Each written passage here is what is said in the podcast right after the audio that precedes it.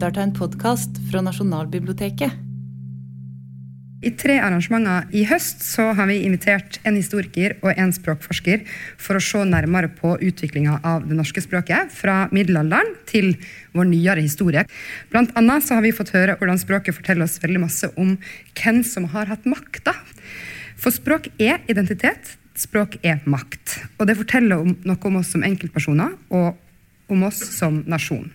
Og det er nettopp den nasjonsbyggende eh, egenskapen som ligger i språket, som er tema for samtalen i dag. Eh, etter en samtale om middelalderen og reformasjonen tidligere i høst, så har vi nå kommet til 1800-tallet. Til revolusjonen på Eidsvoll og tida fram mot språket, kanskje sånn som vi kjenner det i dag. Den norske nasjonalstaten. Eh, til å nærme seg det her veldig mangfoldige og store temaet eh, kommer Mona Ringvei, som eh, er historiker og redaktør. Eh, hun har bl.a. skrevet boka 'Makten og ordene demokrati og ytringsfrihet fra Aten til Eidsvoll'. Og hun skal møte direktør, fra, eh, direktør i Språkrådet, intet mindre, Åse Vetås, sammen med programleder Jens Kiel. Så ønsker alle tre hjertelig velkommen. Ja, da, da, satt vi her jeg håper å si, igjen, men det er ikke sånn for dere. Men jeg føler at det er dette jeg driver med for tida. Snakke med flinke folk om norsk språkhistorie. Og eh, forrige onsdag så sendte lillebroren min meg en eh, snap. Han er 14. Og skrev Jens, hva er nasjonalstat, nasjon, nasjonalisme? Alle de greiene der. Og så tenkte jeg åh, dette får jeg ikke plass til på en snap. Det er veldig klart. Dette er, eh, dette er store greier. Og prøvde å forklare, men jeg kjente at jeg ble, jeg ble stående litt fast, jeg òg. For det er ikke helt lett, dette her. Eh, og så, Jeg tok ikke sjansen på å dra med meg han hit i dag, men eh, kanskje burde han vært her, fordi det er jo noe av det vi, vi skal gjennom. Så eh, veldig glad for å ha dere her. Mona og Åse. Jeg tenker Vi skal være på sånn jovialt, eh, intimitetstyranniserende fornavn eh, i dag også. Eh, og vi kan rett og slett starte i 1814, eh, et eh, år som, som eh, Eline her allerede har erklært som et revolusjonært år. Og Mona 1814 hva er det for noe greier? Uh, ja, nei, det uh, Skal vi se, jeg kan avgrense det litt til hva det har med språk og nasjon å gjøre. Ja. det er et stort spørsmål. Uh, men ja, nei, altså 1814, det var jo da skal vi si, nasjonalstaten Norge ble etablert. da. Mm. Gjennom Grunnloven på Eidsvoll i mai 1814, og senere revisjon på høsten da, i unionen med Sverige. Men eh, ja. Eh, det var altså en selvstendig stat, en nasjonalstat. Og mm, vi skal jo på en måte lande dette her litt sånn språkpolitikk og språk og identitet. Eh, men i 1814 Det er ganske pussig, egentlig, fordi vi kjenner jo altså norsk historie. Er jo, Norge er jo en av de landene hvor språkstriden liksom har vært mest betent. Og det er litt vanskelig å forestille seg at uh, for uh, mennene på Eidsvoll i 1814 de hadde et ganske avslappet forhold til dette med språk. Mm. Så man fastslo at språket var eh, norsk da, i betydningen dansk, og det var helt greit. Mm. Det var ikke noe problem. Så, så, noe språkstrid ser man på en måte ikke i, i 1814, men man bygger altså en nasjon som senere får som senere skal få betydning for, for, for utviklingen av språk i Norge. Ehm, det som står i, i, sentrum for etableringen av den norske staten, da, det er jo dette nasjonsbegrepet. Og den gangen, altså Man kan se på det på to måter. Enten som et sånn kulturelt fenomen som definerer et folk og deres karakteristika. Hva slags type folk er disse nordmennene som bor i fjellene, i motsetning til danskene på, flate, på flata der nede. Uh, eller det har en politisk uh, eller sånn ren politisk dimensjon. Og den var ganske viktig når man skal si at 1814 var en revolusjon. fordi eh, forut for 1814 så hadde man jo et eneveldig styre hvor all makt hadde sitt opphav hos en konge, og han sto jo da også over loven. I, ikke sant? Høres deilig ut. I hvert hvis man er kongen. Ja, ja ikke sant? Ja, det, var ikke alltid, det var ikke alle kongene som hadde det helt greit med det heller. Nei. de, noen trøstet seg med alkohol og andre Men uansett. uh, nei, altså at all makt hadde sitt opphav i kongen da under eneveldet før 1814. Eh, så den politiske revolusjonen som skjer altså i Frankrike og i USA eller Amerika, da, den dreier seg jo eh, eh, i stor grad om å avvikle dette eneveldet av den enkle grunn at det har på en måte kjørt seg selv i grøfta. Den franske kongen har på en måte Økonomien er helt ødelagt pga. dette vannstyret som eneveldet har utviklet seg til. Og dermed så må man tenke politisk makt på en annen måte. Og da er det sånn rent politisk så prøver man å tenke en annen modell for å legitimere en stat utover en kongemakt, utover en fyrste. Mm. Og da finner man det i nasjonen, f- som da er synonym med folket. Og da behøver ikke det å, å være spesielt liksom, fokus på etnisitet eller kultur eller språk eller noe sånt noe. Men det er bare rett og slett folket som opposisjon til kongen. Ja. Så nasjon, folk, er liksom synonymer, da. Så dette, dette er før Listhaugs tid. Man trenger ikke å si Absolutt. at nordmenn det er de som spiser svin og viser ansiktet. Riktig. Nei, det er bare ikke kongen. Ja. Mm. Ukongen. Det, ja, det er ukongen. Det er ja. Så deretter så skal liksom kongen styre på vegne av folket, på vegne av nasjonen. Så i 1814 så er det på en måte det som er nasjonsoppfatningen langt på vei.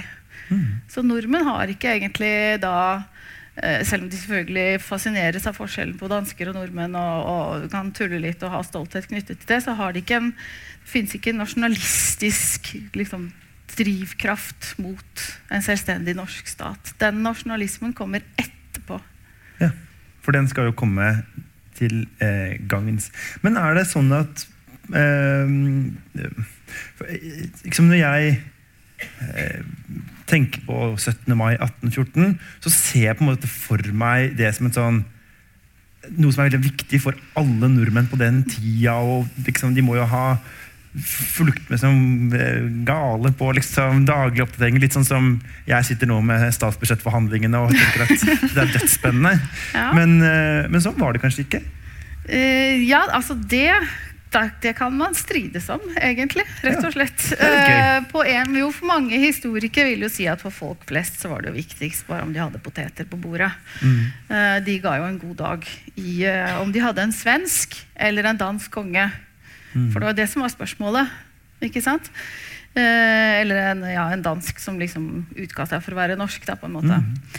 Eh, men eh, nordmenn ble allikevel eh, involvert i dette spørsmålet, simpelthen fordi at da den danske prinsen i Norge gjorde sant, opprør mot denne Kiel-traktaten som liksom forhandlet bort nordmenn til den svenske kongen, eh, så var han avhengig av støtte i brede lag av befolkningen. Uh, av den enkle grunn at hvem skulle krige og forsvare denne selvstendige staten hvis de skulle kjempe for en selvstendig stat? Eh, det var liksom husmannssønner og bondesønner. Og, ikke sant? Så eh, det gjaldt å, å lodde stemningen litt. Uh, så dette hadde jo umiddelbare konsekvenser, i tillegg til at nordmenn sultet jo i 1813. eh, og, og spesielt i 1813 og noen år før. Slik at de var jo veldig opptatt av kan, altså hvem det enn er som styrer, kan dere skaffe oss mat? så, så det var også en veldig aktiv kommunikasjon da, mellom den politisk aktive eliten og vanlige folk. Eh, og den kan man også se faktisk eh, spor av eh, i avisene, for man hadde litt oppdateringer, Ja. faktisk. To ganger i uka. Ja, fått noen, norsk- noen ja. aviser på denne tida Ja. i Norge. Ja. Ja. Og det var spesielt da norske intelligenssedler, som vel på den tiden kanskje het Kristiania intelligenssedler, husker ikke, men uansett. Eh, den kom vel ut to ganger i uka, så var det to-tre aviser til. Eh, sånne ukeaviser. Eh, de hadde bare fire sider, da. Og to av dem var annonser, så det sto ikke så mye. Men desto viktigere hva som sto, da. Det kan jo Eh, mange si om VG i dag òg, men det er en annen ikke sant? Ikke sant?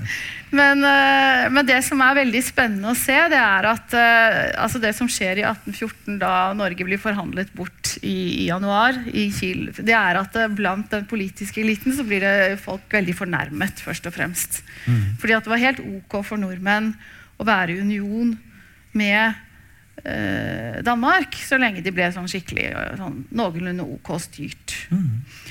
Men det at de ble forhandlet bort som kveg, det var altså en sånn blodig fornærmelse og sto i kontrast til den kontrakten som liksom eksisterte mellom det norske folket og den danske kongen. Mm. Så de ble blodig fornærmet umiddelbart, denne eliten. Men inntil videre, i en og en halv måned, så ser man ikke noe reaksjon for i avisene, for det er jo sensur, man vet ikke helt hva som skjer, det er rykter, det tar jo liksom flere uker før brev kommer til byen om hva som skjer, og det holdes hemmelig og sånn. Men etter en og en halv eh, måned cirka, så, sprekk, så har nyheten sprukket fullstendig. Og da ser man liksom en eksplosjon da, i Kristiania intelligenssedler av rasende leserinnlegg.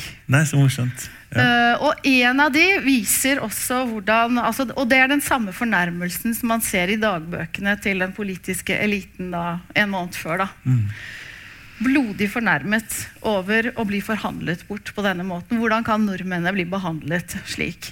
Mm. Uh, og da ser man også sporene etter at nettopp denne, nasjons, denne politiske nasjonsforståelsen kommer til uttrykk.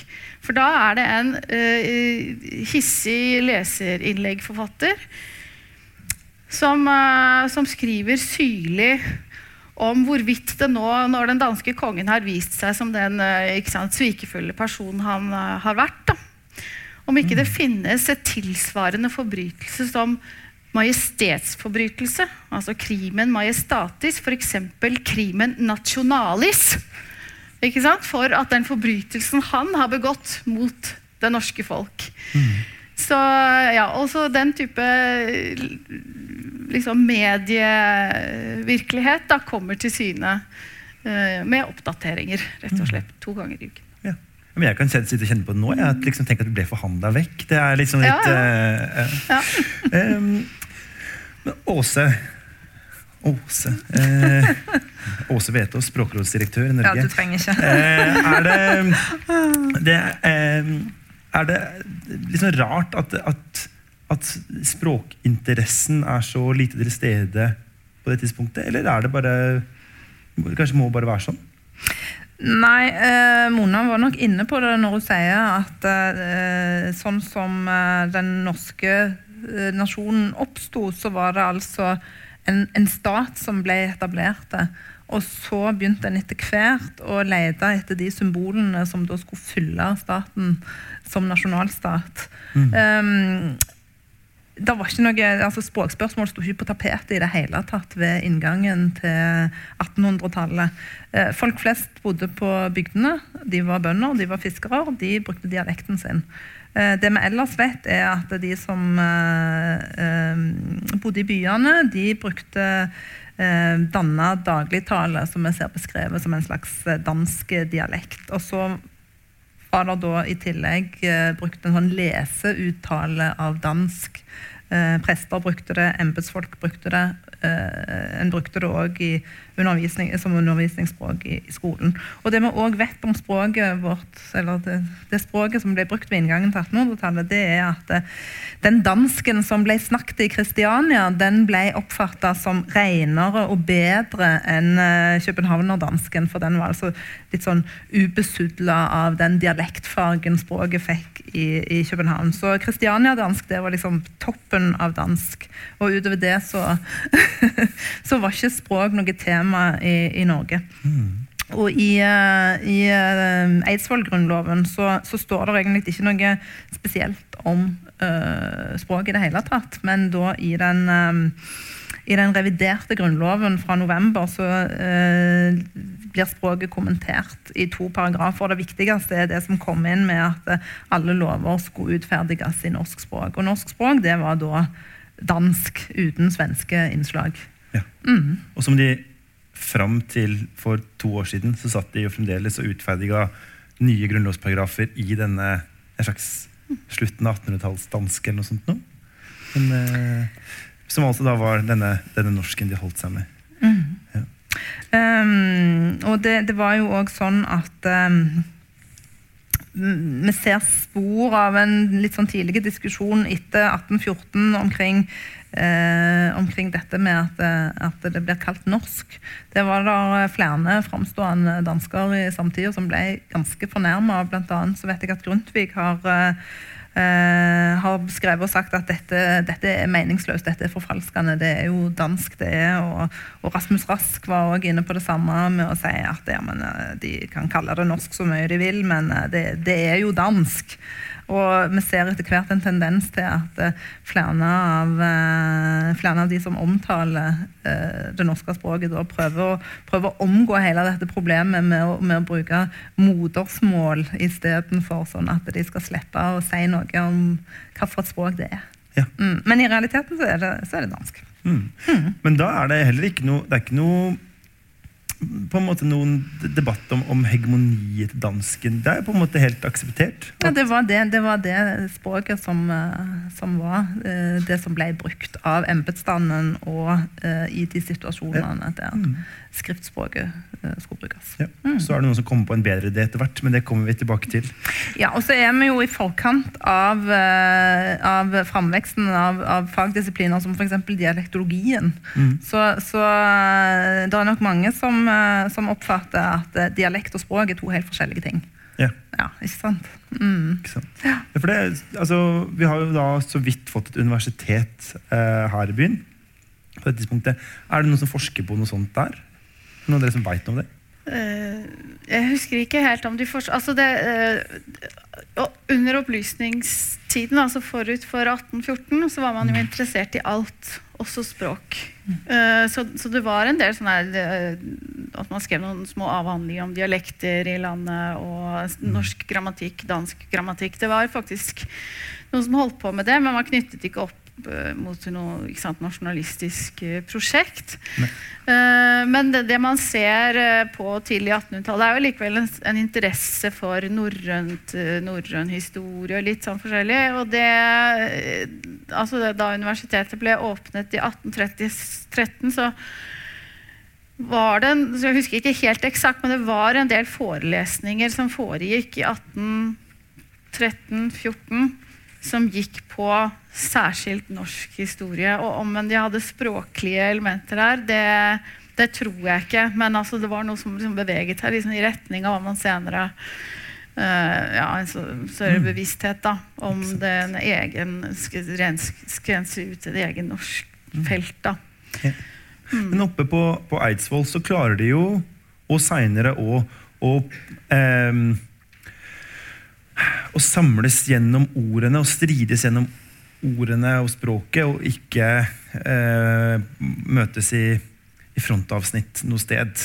Eh, bare i vanlige avsnitt. Og det er jo Det ordspillet kommer på nå, var ganske fornøyd med, faktisk. Eh, men eh, denne altså Stort sett ute, eller ikke stort sett, men ofte ute i Europa så er jo eh, nasjonalisme pluss 1800-tall eh, en ganske dårlig idé. Eller det blir kanskje god idé, men det blir iallfall mye bråk ut av det. Men i Norge så går det ganske rolig for seg. Sivilisert for seg. Hvorfor det? Eh, ja, Det er jo et veldig vanskelig spørsmål, men eh, et, et moment som man ofte har snakket Det skal ikke være bare lett å sitte her oppe? Det må jo være litt jeg skjønner det. Jeg skjønner det. Ja. Men jeg skal holde meg til ett poeng, da. Ja. Og da temaet er ikke uttømt, Nei. antageligvis. Med det poenget. Men altså, den norske staten kommer jo på en måte forut for en nasjonalisme mm. i Norge. Så blir den tar jo også litt tid før den på en måte blir stablet på beina. Og mange vil si det er et liksom, eliteprosjekt, og det kommer liksom ikke nedfra heller. Mm. Uh, så, uh, så, her har vi jo da en, en stat som er en, en, konsekvens av en del storpolitiske av Napoleonskrigen og disse forhandlingene som ender i, i Kiel-traktaten. Eh, og egentlig sånn fait accompli. altså Plutselig en dag så har nordmenn liksom ikke en, kongen sin lenger, så de må bare bli en egen stat. Mm. Uh, så da gjør de det. Løser de det problemet der og da. og, så, og, så, kommer nasjonalismen senere. Og så påvirket av andre europeiske land hvor nasjonalismen har vært på fremvekst en stund. Og den tyske historien for eksempel, er jo motsatt. Der har man mm. jo en nasjonalistisk, en romantiserende idé om liksom, folkeånd og sånt noe forut for en samlet tysk stat. Eh, så kanskje har det noe med saken å gjøre. Men samtidig så er det jo napoleonskrigene da, som ligger til grunn for etableringen av den norske staten. Så det er jo en frukt av en, av en krig, da. Ja, det er jo det. Sånn sett. Men den var ikke vår skyld. Nei, hadde jo ikke noen, det hadde ingenting eh, de, øh, Nordmennene den gangen hadde ingenting du skulle ha sagt. sånn Nei, sett. sånn sett. Enkelt og Mm. Ehm, altså, og så, men så vokser jo på en måte etter hvert eh, også eh, denne nasjonale ideen om, om språk fram. Og da, da får vi to, to retninger.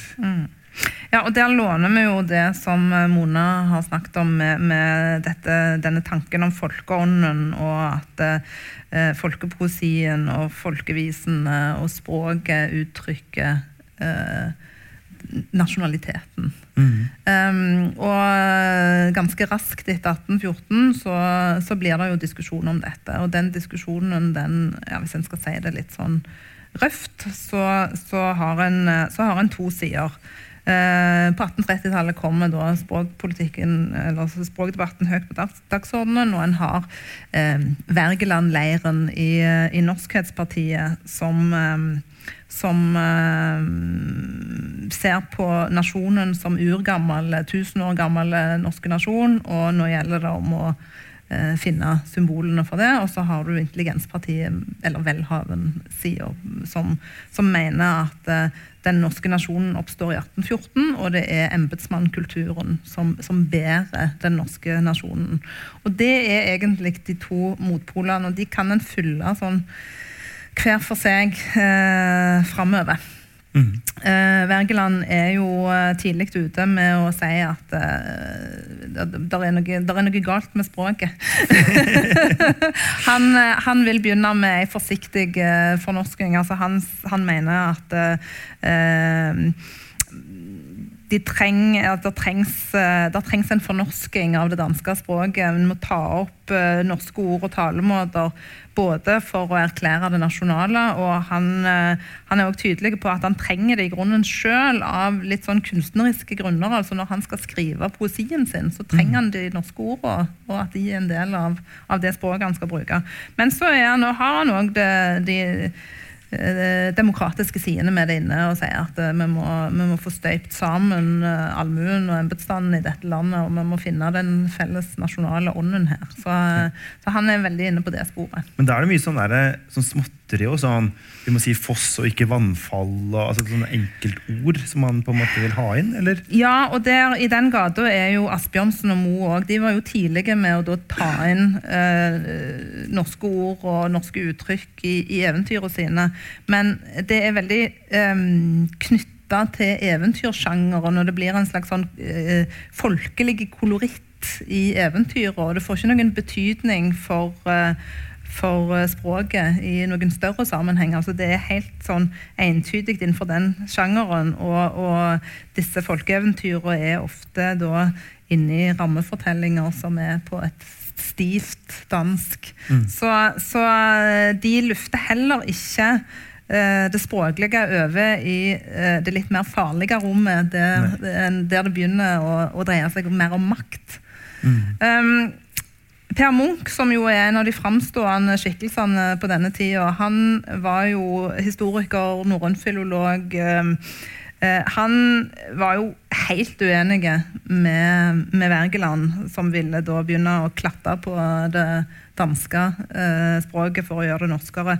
Per Munch han gikk tydelig og hardt ut og sa at nei, finn heller ei særlig velegnet norsk dialekt. eh, gjør en sammenligning med norrønt. eh, lag, eh, lag et norsk eh, språk. Um, dette kan jo høres litt Iver Aasen-aktig ut, men det er det jo ikke i det hele tatt. Eh, det, det som Per Munch så for seg, det var et slags, et slags norsk språk som, er, som en eh, utstillingsgjenstand. Ja. Han er heller ikke interessert i altså han, han, han ser ikke på språket som noe sånn folke, folkereisingsinstrument på den måten. Og det, det er helt av radaren hans å tenke språk på den måten. Ja. Nå prøver Mona å tegne seg veldig her. veldig ivrig, så Ringvei, hva er det du har på hjertet nå, Hva er det som må ut? Ja. Uh, nei, vi er veldig sånn i nærheten av noe som jeg tenker uh, eh, Som vi ikke har berørt, da. Ja. Og som er litt, viktig. La oss viktig. berøre det. Ja. Eh? Dette er et spørsmål om eh, kommunikasjon da, mellom eh, en politisk og administrativ elite og vanlige folk. Så utover på 1800-tallet, sånn som jeg har forstått det Jeg har jo ikke jobbet med språkpolitikk, men, eh, men, men det har en sånn demokratisk side. altså Det å ha tilgang til språket er også å ha tilgang til makten. Så det at man snakker et, og skriver et dansk, et sånn oppstyltet dansk, mens folk snakker sine dialekter, gjør også eh, avstanden til makten større. Så det er jo et veldig viktig ledd når folk begynner disse ikke sant, språkfantastene å si, begynner å kjempe for et norsk språk, så er jo det et element, et maktpolitisk element. Men det som er litt morsomt, det kan jo du mye mer om enn meg, men det som er litt morsomt hvis, eh, på 1814, da, bare for å nevne litt eh, om de pussighetene som også oppsto der, det er at uh, det blir jo sendt inn en del grunnlovsforslag fra bønder i ulike, sant, fra Modum, Gudbrandsdalen, flere steder. Så sendte bøndene inn eh, grunnlovsforslag, mer eller mindre gjennomarbeidede. Til en slags forslagskasse. Ja, absolutt. Uh, ja, det var jo Vi skal lage en ny grunnlov, send inn! Apropos Ja, spørsmål du stilte i sted om det liksom engasjerte ikke sant, bredt, så gjorde det bl.a. disse grunnlovsforslagene. Eller andre innspill. Litt et rusk om snusk, som en av de het eh, om eh, den nye grunn, grunn, grunnloven. Men en av disse grunnlovsforslagene da, fra Gudbrandsdalen eller Modum, eller, eller alle disse fra allmuen eller fra bøndene, da, var opptatt av ytringsfrihet. Eh, og det er ganske interessant. Man skal ikke snakke så veldig mye om det, men én av disse grunnlovsforslagene definerte ytringsfrihet på et eh, ganske pussig vis. Og det var altså skal jeg skrive tanke Uh, ja, nei, Tanke- og skrivefrihet er liksom det viktigste man kan ha i en stat. For da kan man skrive selv til kongen. Ja. Og dette ble lest opp på Eidsvoll hos de liksom velkledde herrer der, uh, til allmenn latter. Ja. Så det tok man jo liksom ikke noen notis av. Man lo av disse vanlige bøndene og hvordan de forsto disse prinsippene. De var jo helt håpløse. Men altså, det var jo ikke håpløst, det var noe veldig reelt. fordi før 1814 så kunne man faktisk skrive til kongen. Men man gjorde jo selvfølgelig sjelden selv rent fysisk, for man kunne ikke um, For det første var det forskjell på det å lese skrift, trykt skrift og skreven skrift. De fleste kunne lese trygt, men ikke skrift. Og heller da ikke skrive. Ja. Eh, Så skriveferdighetene hadde man ikke tilgang på. Og heller ikke det oppstyltede dansk som man måtte eh, formulere seg på. Slik at man betalte en jurist sant, for å skrive til kongen. Ja. Datidens First House, liksom. Ikke Det var sant? et Sånn eh, kommunikasjonsbyrå som kunne ja, sånn at disse bøndene forsto skrivefrihet som friheten til å selv ta pennen eller fyllepennen eller fjær, hva de nå brukte, og henvende seg og snakke direkte til kongen. Og i det så ligger det jo også sant, både det å beherske, det å skrive, det å ha lov til å gjøre det, men også det å beherske språket. Selvfølgelig kunne formulere seg på en sånn måte. Og da, det var jo et stort spenn, og det, var, det viste seg jo også på Eidsvoll at måten disse bøndene ordla seg på, ble jo latterliggjort.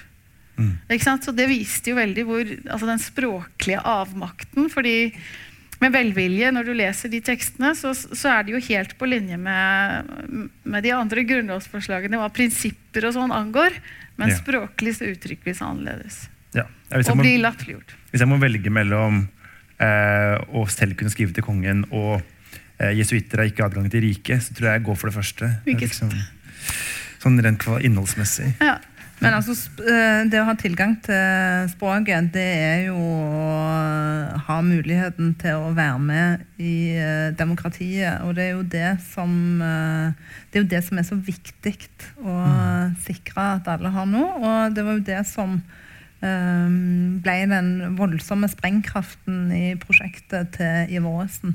Altså, Steven altså, Stephen Walton, som har skrevet biografi om Ivar Aasen, han mener at en kan se på Aasen sitt prosjekt i tre faser. egentlig, at Han begynner som en sånn nasjonalromantiker, men så går han nokså raskt over i en sånn mellomfase der, der, der det går an å se ut av tekstene hans at han, han bruker eh, det nasjonalromantiske som, som brekkstang for å eh, få gjennomslag for eh, landsmålet sitt. Og så i en siste, en tredje fase, så, eh, så er han først og fremst der at uh, han, eh, han jobber med, med uh, språket som uh, eh, Altså folkespråket som, eh, som det å gi makt til, til folket. Ja, Myndiggjøringa. Ja. Ja. Du som på en måte er altså, vi jeg må jo på en måte bare innrømme det, at her sitter jo på en måte nestlederen i Norges Mållag, så jeg har ikke tenkt å late som jeg er noe uhilda i synet på Ivar Aasen. Han er, han er helten. Men du som bare er en slags eh, tilfeldig eh, eh, historiker som de har Skal du sjekke hva jeg kan om. Ivar Aasen? Nei, jeg skal ikke sjekke hva du kan. Men hva, hva, hva er ditt syn på han i, i denne historien? Eh, hvordan, hvordan plasserer du han liksom i Ja, det hadde jeg tenkt å overlate til eh, Ja. Åse å Ja, men plassere sånn Ivar Aasen. opp, altså oppfatt, Dere som er historikere, oppfatter Ja. dere han som en, en, en viktig figur? på en Ja. måte? Ja. Uh, ja. Ja. altså Når man snakker om disse altså, eh, Historikere er jo opptatt av når de beskriver eh, de nasjonal, altså nasjonalistiske prosjektene på annen halvdel av 1800-tallet. For det er jo f- først og fremst da de dukker opp. ikke sant? De ulike organisasjonene. Eh, så er jo da språkkampen én del av flere. Så han må jo dele plassen da med eh, ikke sant, eh, arbeiderbevegelse og, bondebevegelse. All, all mulig slags samt, rusk om snusk. Rusk om snusk, Ja, ja. ja. Men det er klart han er viktig. Ja. Ja. Ja. For vi trenger jo ikke det, å la han dele plassen med noen. Nei, altså eh, Han er jo avgjørende viktig for eh, at eh, det norske folkespråket, det norske folkemålet, blir lufta fram til det som da så tidlig som i 1885 blir eh, fra Stortinget jamstilt med, med det danske språket. Altså Det går så rasende fort. Aasen han er jo en eh, ja, I 1835-36 så er han en unge mann som skriver ned programmet sitt. Og i programmet som han skriver ned, der står det at han ønsker seg å eh, løfte det norske folkemålet fra bondens hytter, som han skriver, og til, til nasjonalspråk. Så han er Efter der allerede. er ble Ja, et og fritt så setter han, og så setter han i gang, og så arbeider han på det prosjektet. Og han eh, arbeider jo, eh, må jeg si, eh, som en eh, eh, eh, 20-manns ordboksredaksjon. Det som, det som, Dette vet du alt om, Dette vet jeg ganske mye, dette 20-manns vet jeg eh, eh, ganske mye om. Nei, men altså, det som Aasen gjør, det er at han fyller programmet sitt tett opp. Altså Han begynner med å ja, først, først så reiser han rundt og samler inn. Aasen er jo systematiker, og det er jo det som er så utrolig fascinerende med han. Altså, det er ikke sånn en fant av hver slag. Han leter etter, etter det grunnleggende systemet. Uh, og han reiser rundt i hele landet, og han samler inn og han systematiserer. Og så gir han ut en eh, grammatikk som eh, er en grammatikk over det norske folkespråket i 1848. Og så to år etterpå kom han med ordbok over det norske folkespråket. Og da har han eh, liksom gjort seg ferdig med den første fasen. Han har ikke, han har ikke kodifisert den landsmålsnormen ennå. Altså han er ikke helt ferdig med det. Nei, altså han har ikke en lagd ei ferdig norm, som, eh, men, men han, han har lagd et foreløpig bilde av et landsmål, og så jobber han videre med det systematisk. Um, og det som, eh, det som han gjør, det er at eh, han, eh, han kaster vekk de der romantiske forestillingene om det norrøne i veldig stor grad. Altså han, han prøver å finne en systematikk i de norske dialektene sånn som de ser ut i den moderne norske perioden, altså etter, etter den norrøne perioden fra 1500-tallet og utover. Um, og han, han han etablerer på en måte en slags grunndialekt og ser på hva det er som er fellestrekkene eh, mellom disse dialektene. Og så setter han opp et system. Og så jobber han videre med dette her, og interessant nok så er det sånn at i neste fase, i 1864, så har han, eh, lagt, eh, så har han revidert grammatikken. Da kaller han det ikke lenger eh, folkespråksgrammatikk, da kaller han det norsk grammatikk. Eh, og så i 1873 så kom han med norsk ordbok som da er en sterkt utvida uh, utgave av uh, ordboka over det norske folkespråk. Så, og så jobber han da samtidig med, med andre ting. altså Han, eh, han lager òg en sånn en eh, tesaurus eh, som viser det norske språket fra den kanten. Og han eh, planlegger språk, og han dikter, og han tar språket i bruk. Og det som er så utrolig fascinerende med det prosjektet han så, det er at eh, der sitter jo folk klar og begynner å bruke det nesten før blekket er tørt. Altså Vinje kaster seg jo over dette her. Og allerede på slutten av 1850-tallet så begynner han å, å gi ut eh, Dølen. Eh, der han bruker dette nye landsmålet. Og um, um, Altså det, det, han, han fører det jo da over fra eh, Aasen sitt system og ut i bruk i journalistikken og essayistikken, og, og, og språket blir veldig fort levende, og veldig fort et levende alternativ til, eh, til det danske skriftspråket. Men til det du sa eh, jeg håper å si starten av denne ranten om Ivar Aasen, eh, så, eh, så det vedtaket som det da leder fram til i 1885, det er altså et, at man likestiller et, et språk som ingen bruker, nesten, med et språk som alle bruker. Altså, for at I dag så vil det på en måte være mulig å argumentere for at ja, ja, nynorsk bokmål er begge ganske store språk, selv om det ene er mye større enn det andre, men at de skal ha en slags nasjonal status.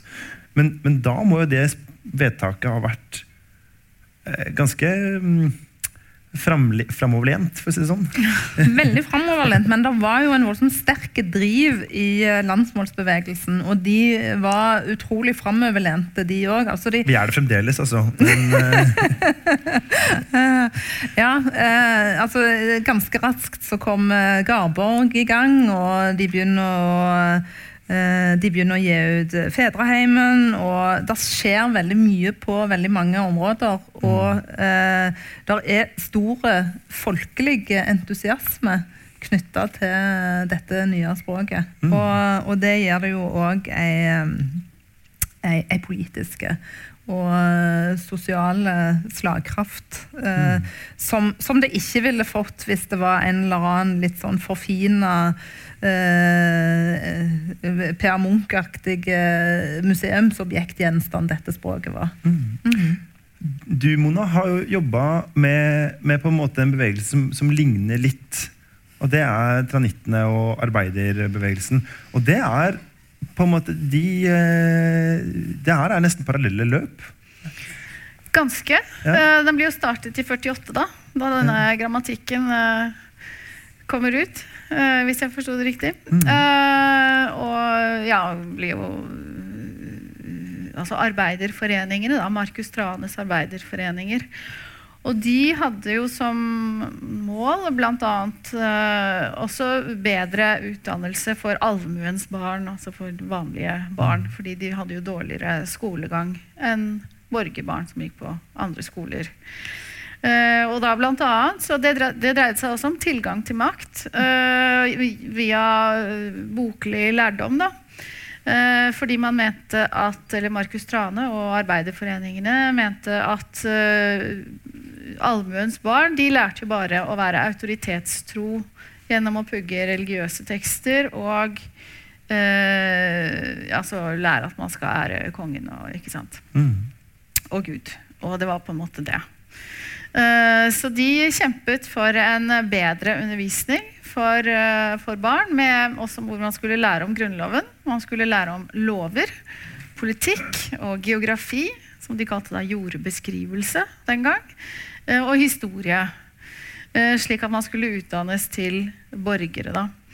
Men de var ikke spesielt opptatt av dette språklige elementet som, som sådan. eh, Eller, altså, når det gjelder folkespråk eller dansk. Eh, det hadde de ikke noe program knyttet til. Men de hadde program knyttet til eh, større boklig lærdom og tilgang til, til makt på den måten. Da, via, eh, via det å kunne lese og skrive. Ikke sant? Skrive i tillegg til å lese. Da. Ja. Um, ja. Men sånn har det vært hele veien. at Arbeiderbevegelsen har ikke vært noe spesielt opptatt av de her spørsmålene, egentlig. Nei, det har jo vært litt opp og ned. Eh, Arbeiderpartiet hadde jo en veldig sterk eh, eierskap til samnorskpolitikken på mm. første halvdel av eh, 1900-tallet særlig. Lykke til med den. Eh, Halvdan Koht eh, er jo en, eh, en av de sentrale eksponentene på det. Det er jo noen sånn berømte utsagn fra Stortingets talerstol av typen eh, Torgeir Rå, Drammensmann, arbeiderpartipolitiker, som gikk på Stortingets talerstol i en rettskrivingsdebatt og sa at eh, for oss så er det det samme om det skrives gryte eller gryten, bare vi har noe å ha i den. ikke sant? Um, så, så det partiet har nok vært litt delt på det. Men altså, denne folkeopplysningstanken har jo vært sterke i arbeiderbevegelsen. arbeiderbevegelsen. Så, så det har jo vært uh, språklig interesse knytta til det òg. Begge på en måte velger eller begge velger jo myndig, folkelig myndiggjøring som sitt program, da, men, men to ganske ulike strategier for å nå det. Kan man si det sånn? Ja, men samtidig så henger de jo sammen. Altså jeg tenker at Selv om da Arbeiderforeningen ikke tematiserer dette med folkespråk, så, så må det jo med nødvendighet være en del av prosjektet. Ikke sant? Det er å tilegne seg maktspråket. eh, eventuelt å endre det. Altså det er, du må gjøre enten det ene eller det andre. Eh, så, så, og de, altså de ja, de hadde jo, de, Da de skrev en petisjon til kongen da, Man fortsatte jo å skrive til kongen etter 1814. Så de skrev altså til kongen en såkalt petisjon, et bønneskrift med, hvor de ba om ti, ti forskjellige typer reformer. Hvorav det ene var skolereform. da. Um, uh, nå snakket jeg meg bort. Uh, men de skrev i hvert fall til kongen. ja, de hadde bare ti poenger, var at de hadde da bare konsentrert seg om ti ti punkter ikke sant, da de gjorde det. Så, uh, så det var ikke nødvendigvis øh, et utfyllende eller uttømmende Nei. program. Det var ikke mot det heller, på en måte. Nei, det, vil, det betviler jeg. Ja. Ja. Ja, også. Ja, altså eh, Landsmålsbevegelsen forgreina seg jo ganske raskt òg i forskjellige retninger, og en av de eh, eh, en av de ganske berømte eh, er, eh, Olavs Fjørtoft. Ivar Aasen hadde jo, når han kartla det norske folkemålet, så hadde han eh, litt sånn systematisk holdt seg unna byene, fordi at han mente at eh, folkespråket i byene det var så korrumpert av dansken at det, det, ville, eh, det ville ødelegge systemet. Altså, eh, ja. mm. men, men så nokså tidlig så kom, eh, så kommer det folk av typen Olavs Fjørtoft som sier Ola- Olavs Fjørtoft var veldig tydelig på dette med at uh, bryggesjauerne i byene sitt uh, språk er òg en del av det norske folkespråket. Og han, uh, han mente at det òg uh, måtte tas med og tas opp i, eh, i landsmålet. Han eh, ble jo ikke eh, særlig populær i samtida, men, men de synspunktene hans om dialektmangfoldet og, og dialektutgangspunktet, de har jo slått veldig mye sterkere gjennom på 1900-tallet. Sånn at eh, selv om det ikke fungerte da, så, så var det folk som vendte tilbake igjen til de mer sånn sosialradikale tankene omkring språket og, og, og folkemålet som noe mer enn enn- og noe annet òg enn en målet utenfor byene. Ja. Det har ingenting med saken å gjøre, men det er her det passer å nevne at eh, jeg synger et band som heter Olavs Kjørtoft Experience. Det er veldig greit å vite. Eh, som en slags fyr som Ja. levde hardt og døde ung. Ja, nemlig. Eh, en, en upopulær anarkist. En Ja, han ble til og med kasta ut av det norske samlaget tror jeg, på et tidspunkt fordi at han gjorde seg så upopulær med Ja. Men det gir også, gir oss en anledning til å nevne et lite moment som vi ikke har vært inne på her, som kanskje uh, det tekker, dekker det tettere dette lille hullet mellom arbeiderforeningene og språkbevegelsen. Fordi arbeiderforeningene hadde, var veldig aktive i tillegg til å ha liksom, lesesirkler og litt sånn forskjellige bibliotek for allmuen, så hadde de teatergrupper og korsang. Eh, og det er klart at ehm, eh, akkurat når det gjelder teater på midten av 1800-tallet, da er man jo inne på et veldig sånn betent område hva, hva gjelder forholdet mellom dansk og folkespråk. Fordi at eh, da det ble etablert et nasjonalt teater i Norge i 1827, så var det bare danske skuespillere som spilte der. Man spilte tross alt ikke teater på norsk. ikke sant? Det var jo liksom helt eh, eh, ikke kom i faut. Eh, og da disse arbeiderne eh, drev sine teatergrupper, så er det jo klart at de spilte jo ikke på dansk.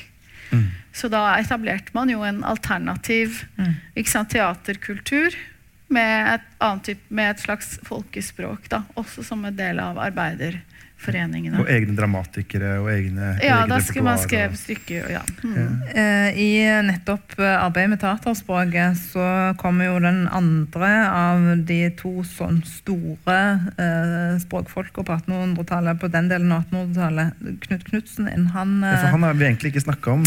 han har vi egentlig ikke snakket om, nei. Nei. Eh, for han, det som er litt Eller eh, det, han blir ofte stående litt i skyggen av Ivar Aasen, selv om han på en måte er den som faktisk eh, hoster opp et språk som flesteparten tar i bruk. Ja.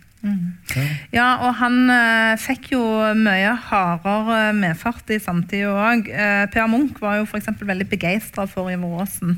Eh, veldig lite begeistra for eh, Knut Knutsen. Enig. Og, og eh, Knut Knutsen han, han kjempa jo på to fronter samtidig, kan en si. Altså På den ene sida så jobba han mot denne her han, eh, stivna embetsmannskulturforståelsen av at dansken ikke måtte kludres med. Mhm. Eh, og på den andre sida så hadde han eh, landsmålet, som jo da eh, der det bobla av entusi entusiasme. Og så sitter han der og så mener han at eh, det blir for mye for fort. Eh, De har for så vidt det samme målet, og målet er et, eh, et norsk språk, men, men det gjelder om å velge gradvishetens vei, og dette er noe som vi må få folk til å venne seg til litt sånn etter hvert. Og vi kan plukke ut en stein eh, som er dansk, og legge inn en norsk istedenfor, og så rokker vi ikke med hele grunnmuren samtidig. Um, han var eh, ortofonist, altså han ville at ordene skulle skrives mest mulig sånn som, likt sånn som de ble uttalt. Det- Ortofonist. ja. Mm, Det er et fint ord. Ja, det, var, nei, det, var jo, det var jo noe helt annet enn Iver Aasen. For altså, Iver Aasen han, eh, han kartla jo mange forskjellige dialekter der det samme ordet eh, ble sagt på litt forskjellige måter. Så han var jo ingen ortofonist. Altså, han prøvde jo å finne en fellesnevner for for de forskjellige dialektene. Mens, eh, mens Knut Knutsen han var det. Og han var òg uh, purist. altså Han prøvde å, å å kvitte seg, eller få, få ut av språket mest mulig av, av fremmedord. Og han ga ut, eh, han ga ut ei bok om, eh, der han da bl.a. foreslo eh, Der han foreslo eh, utskifta eh, fremmedord som han syntes var eh, ubrukelige på norsk. Veldig mye av det har det aldri blitt noe av, men det er noen ord som står igjen etter Knut Knutsen sin, eh, sin purisme. F.eks. ordskifte. Det er det, det Knut Knutsen Det sitt er masse sånne ord som i dag Ja. alle tror er Det sånne høres jo ut som noe, ikke sant vel? Men dette er altså Knut Knutsen som, eh, som Så foreslo. selv ikke det får stakkars Knut Knutsen liksom eh, æren for. Nei, eh, det kan du si. Og han, han, ble litt, han ble jo egentlig dolka i ryggen av de nærmeste òg, sånn helt på slutten. For Bjørnstjerne Bjørnson, som hadde vært en ivrig Knut Knutsen-tilhenger, de fant jo sammen i denne skandinavismen og sånt òg. Han ble jo på slutten av livet sitt helt avvisende til eh, oppnorskingsprosjektet til, til Knut Knutsen og, og ville ha dansken ubesudla. Så han, han gikk egentlig hele veien, Bjørnstein Bjørnson, eh, i løpet av livet sitt. Han begynte som litt sånn småforelska i landsmålsprosjektet, men var Knut Knutsen-mann det meste av livet. Bortsett fra helt på slutten. Mm. Ja. Det er, men ehm, apropos eh, si teater, så mm, Sånn utenifra, eller altså det, Jeg husker da jeg gikk på, på skolen, det, til og med det begynner å bli noen år siden, eh, så, så satt det, ble ofte Ivor Aasen og landsmålsprosjektet satt inn i en slags sånn nasjonalromantisk eh, ramme. Eh, men, men mange av de landsmålsfolka sto på en måte i opposisjon til nasjonalromantikken og et sånt, mente at det var mer et byborgerskapssyn på eh, bondekulturen. Også. Ja, altså det var jo, det var jo sånn tendenser til å dyrke uh, de folke, eh, uttrykkene fra folkekulturen uh, så langt som til at de ikke var noe farlige. Men i, den, uh, men i det øyeblikket det begynte å komme noe sånn politiske makt sivende inn, så, eh, så var de jo ikke så begeistra for det lenger. Blant annet så hadde de jo på, på teatrene de hadde sånn tablåer med damer i bunad og sånt. Eh, Dette er jo litt seinere, men, men, men uten, um, uten noen forpliktelser. Altså, det var pent å se på bilder eller pent å se i tablåer, men, men uh, det var på en armlengdes avstand, og det var ikke noe en forplikta seg på politisk eller sosialt. Mm. Spennende med, liksom, med kulturmangfold, bare det ikke kommer for tett på en selv. Ja, Ja. rett og slett. Ja. Mm. Det, den ideen er ikke ny, i hvert fall. Eh, Men får jeg lov å si, hvis vi er i ferd med å bevege oss vekk fra Ivar Aasen, får jeg lov å si en ting til om han som jeg tror at Det, det må bli siste ting om Ivar Aasen Ja, okay. også. Ja, for det som, det som er, det er at folk tenker kanskje på Ivar Aasen som en litt sånn eh, monomant, eh, forskende type. Men han var jo òg en veldig god politiker, og han hadde et program som han eh, gjennomførte bl.a. med at eh, han, han ville unngå alle ting som um, gjorde det vanskeligere for folk flest å tilegne seg dette landsmålet. For eksempel så insisterte han på å bruke fraktur eller gotisk skrift. skrift. For det var folk flest vant med å lese. Og han uh, valgte dobbel A istedenfor uh, bolle Å, for det var òg uh, Det er den danske måten å, å uttrykke Å-en på. Um, Fra snabel-A til bolle-Å. ja, ikke sant? Eller han satsa på store forbokstaver i substantiver. Altså, han, han, gjorde, han prøvde å få landsmålet til å bli så lite avstikkende som mulig for folk flest. På punkt der det ikke var nødvendig. Så, så han var en pragmatiker på en del områder òg. Mm. Ikke Det er litt morsomt å understreke det, for det er så liksom, Det strider imot vår intuitive forståelse av skrifttegn at øh, vanlige folk på 1800-tallet syns det var lettere å lese gotisk skrift enn de latinske bokstavene vi holder oss med nå. Mm. Det er jo nesten umulig å forstå det. Men det er altså så godt belagt i kilder at eh, hvis, man hen, hvis man skulle skrive avis og sånn for allmuen, da var det gotisk skrift. Og, og hvis man virkelig ville være litt sånn 'dette er bare for eliten', Mm. da var det latinske bokstaver man brukte litt sånn sjelden. da. Og det er jo så pussig. Nei, men det er altså så pussig. Jeg ville bare, siden du nevnte det litt sånn i forbifarten, jeg bare synes det er så utrolig morsomt. Ja, det. Fordi at det, når du ser det, så klarer du ikke å tro det, Nei. egentlig. At de kunne synes at det var enklere. Det er vel eh, et poeng som ofte gjelder når det er snakk om språk, at veldig mye handler om vane for oss. Og lite sånne naturgitte ting. Men eh, vi nærmer oss jo på en måte sånn slutten her. Men, men vi eh, Eller ikke helt ennå, men snart. Og vi, det er jo en, en eh, På en måte et hundreår som vi på, ikke akkurat har jobba oss gjennom, men, men som vi har vært tatt noen stikkprøver i. Eh, og hvor, hvor ting forandrer seg helt utrolig mye på alt. Altså, jeg tenker at, at, at Norge rundt på en måte 1900 er et helt annet samfunn enn 1800. Eh, kan du si liksom sånn eh, For din del så har det blitt et, et, et samfunn eh, Et organisasjonssamfunn knytta til bl.a. Altså, sterke politiske bevegelser og eh, framvoksen av fagforeninger. Og for deg så er det jo språklig samfunn. Men, eh, Kanskje Jo, du vil si noe om de to først? tingene henger sammen. For det er nemlig sånn at forutsetningen for at det der er voldsomt organisert organiserte samfunnet med alle disse bevegelsene og lagene og foreningene og hele den kulturen der, for at det skulle kunne bli en realitet, så uh, måtte Norge bli eh, en, en altså, Så måtte det etableres en skriftkultur. Og, og, og vi trengte altså, det, var helt nødvendig med, med skrivekunner, rett og slett. Og da skjer det jo veldig mange ting i løpet av 1800-tallet som støtter opp omkring det, og som lager den ja, for å si det på litt moderne, infrastrukturen som trengs. Altså, det vokser fram eh, et systematisert bibliotekstell til eh, bruk og til glede for folk flest. Det har vokst fram en voldsomt stor eh, avisflora. Eh, det er slutt på omgangsskolen på 1860-tallet. Da skal det være skolehus i, i grendene, og, og ungene får en helt annen skole. Altså, veldig mange sånne ting som skjer. Og, de, og, de, og det kartlegges jo og systematiseres og ordnes jo sånn utover på 1800-tallet at eh, ting ser helt annerledes ut. Altså, de systematiserer og ordner eh, Diplomatarium Norvegicum, det er Norges gamle lover, det er mot slutten av århundret kommer norske gårdnavnet, der de freser gjennom hele den norske gårdsmatrikkelen. og og, og med, med, tanke på å gjøre skrivemåten av gårdsnavn og mer folkelig og mer norsk. Så de, altså, masse kartlegging, masse institusjonalisering, og eh, Norge blir et skriftspråksamfunn. Og da lig, ligger det til rette for at eh, alle disse her bevegelsene skal få mer makt og mer innflytelse, tenker jeg, fra mitt språklige ståsted. Mm. Mm.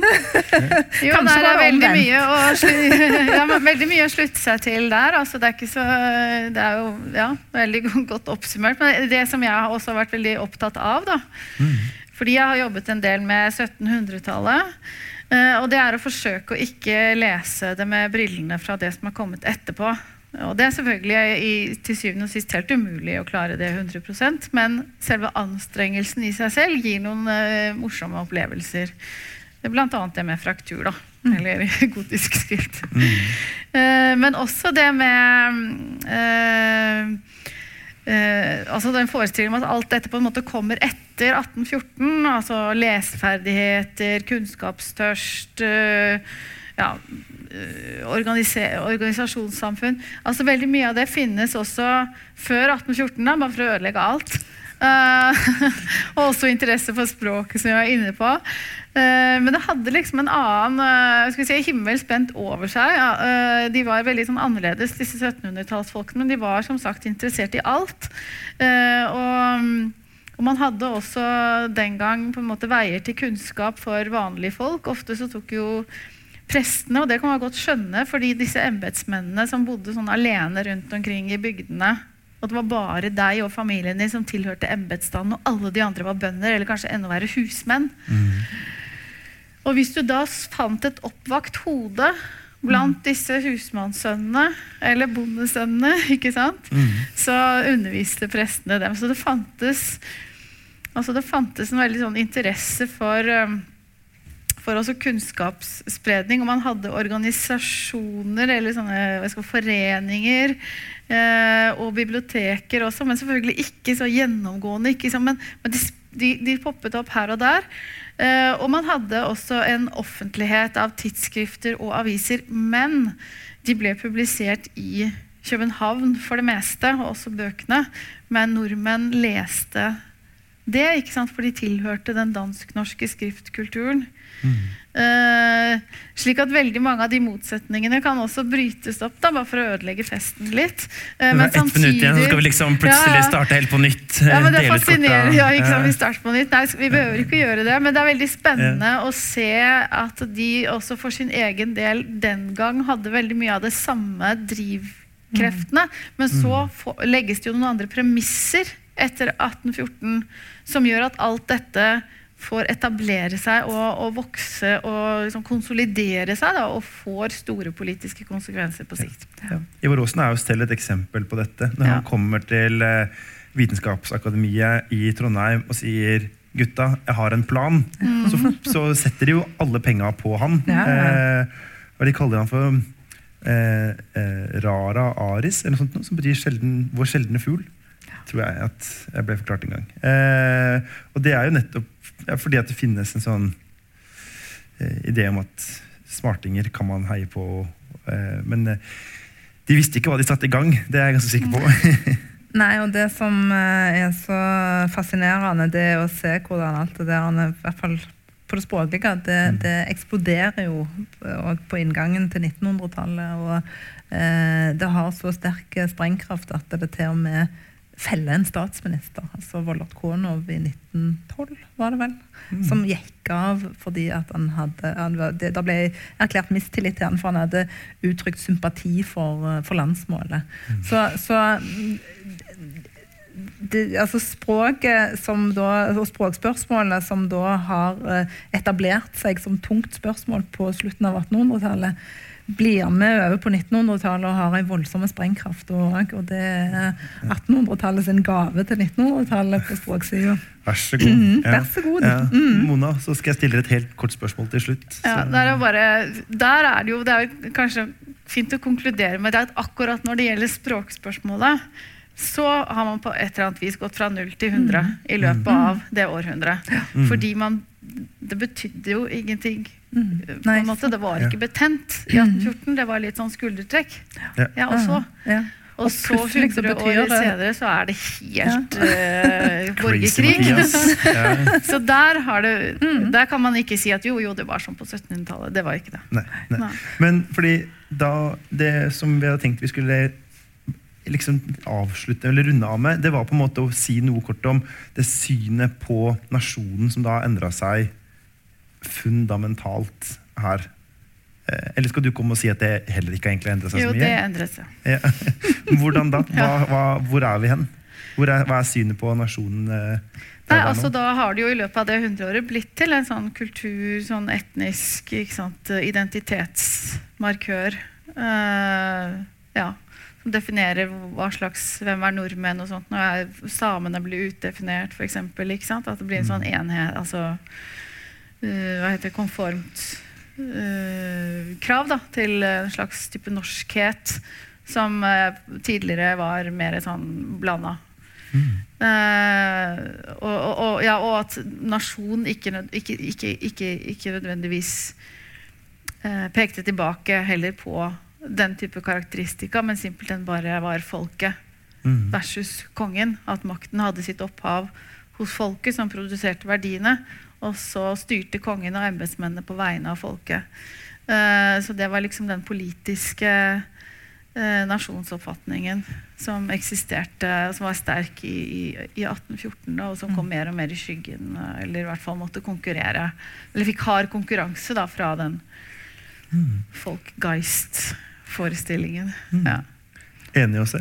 Ja, Hvis du ser på hvordan, eh, hvordan kongemakta rent praktisk har uh, knytta seg til folket, så gikk du altså fra eh, staten det er meg, til alt for folket eller alt for Norge. Sånn at eh, nå har en eh, den helt diametralt motsatte oppfatningen av, eh, av hva kongemakta er og skal være for noe. Altså, det, er, det er et symbol på nasjonen og ikke, ikke eierskap til, til landet. Ja. Mm. Så har vi ennå ikke helt blitt enige om det er alt for Norge eller alt for Noreg. Det er sant. Eh, der gjenstår det noe å bli enige om. Ja. Men, eh, men det er helt, eh, det er helt åpenbart at eh, 1800-tallet er en, en fantastisk spennende eh, periode. Både ja, historisk og, og, og, og språkhistorisk og språkvitenskapelig. Det er det ingen tvil om. Bra. Da, da oppsummerte du veldig fint. Det virka så positiv avslutning. Så hvis folk hadde glemt at det var gøy, det vi har sittet og snakka om den siste timen, så var det altså gøy og fantastisk interessant. Men eh, Mona Ringvei og Åse Vetås, tusen eh, takk for at jeg fikk eh, stilt eh, en hel side med spørsmål som jeg sitter og lurt på. Det var veldig hyggelig. Så eh, takk, takk for oss.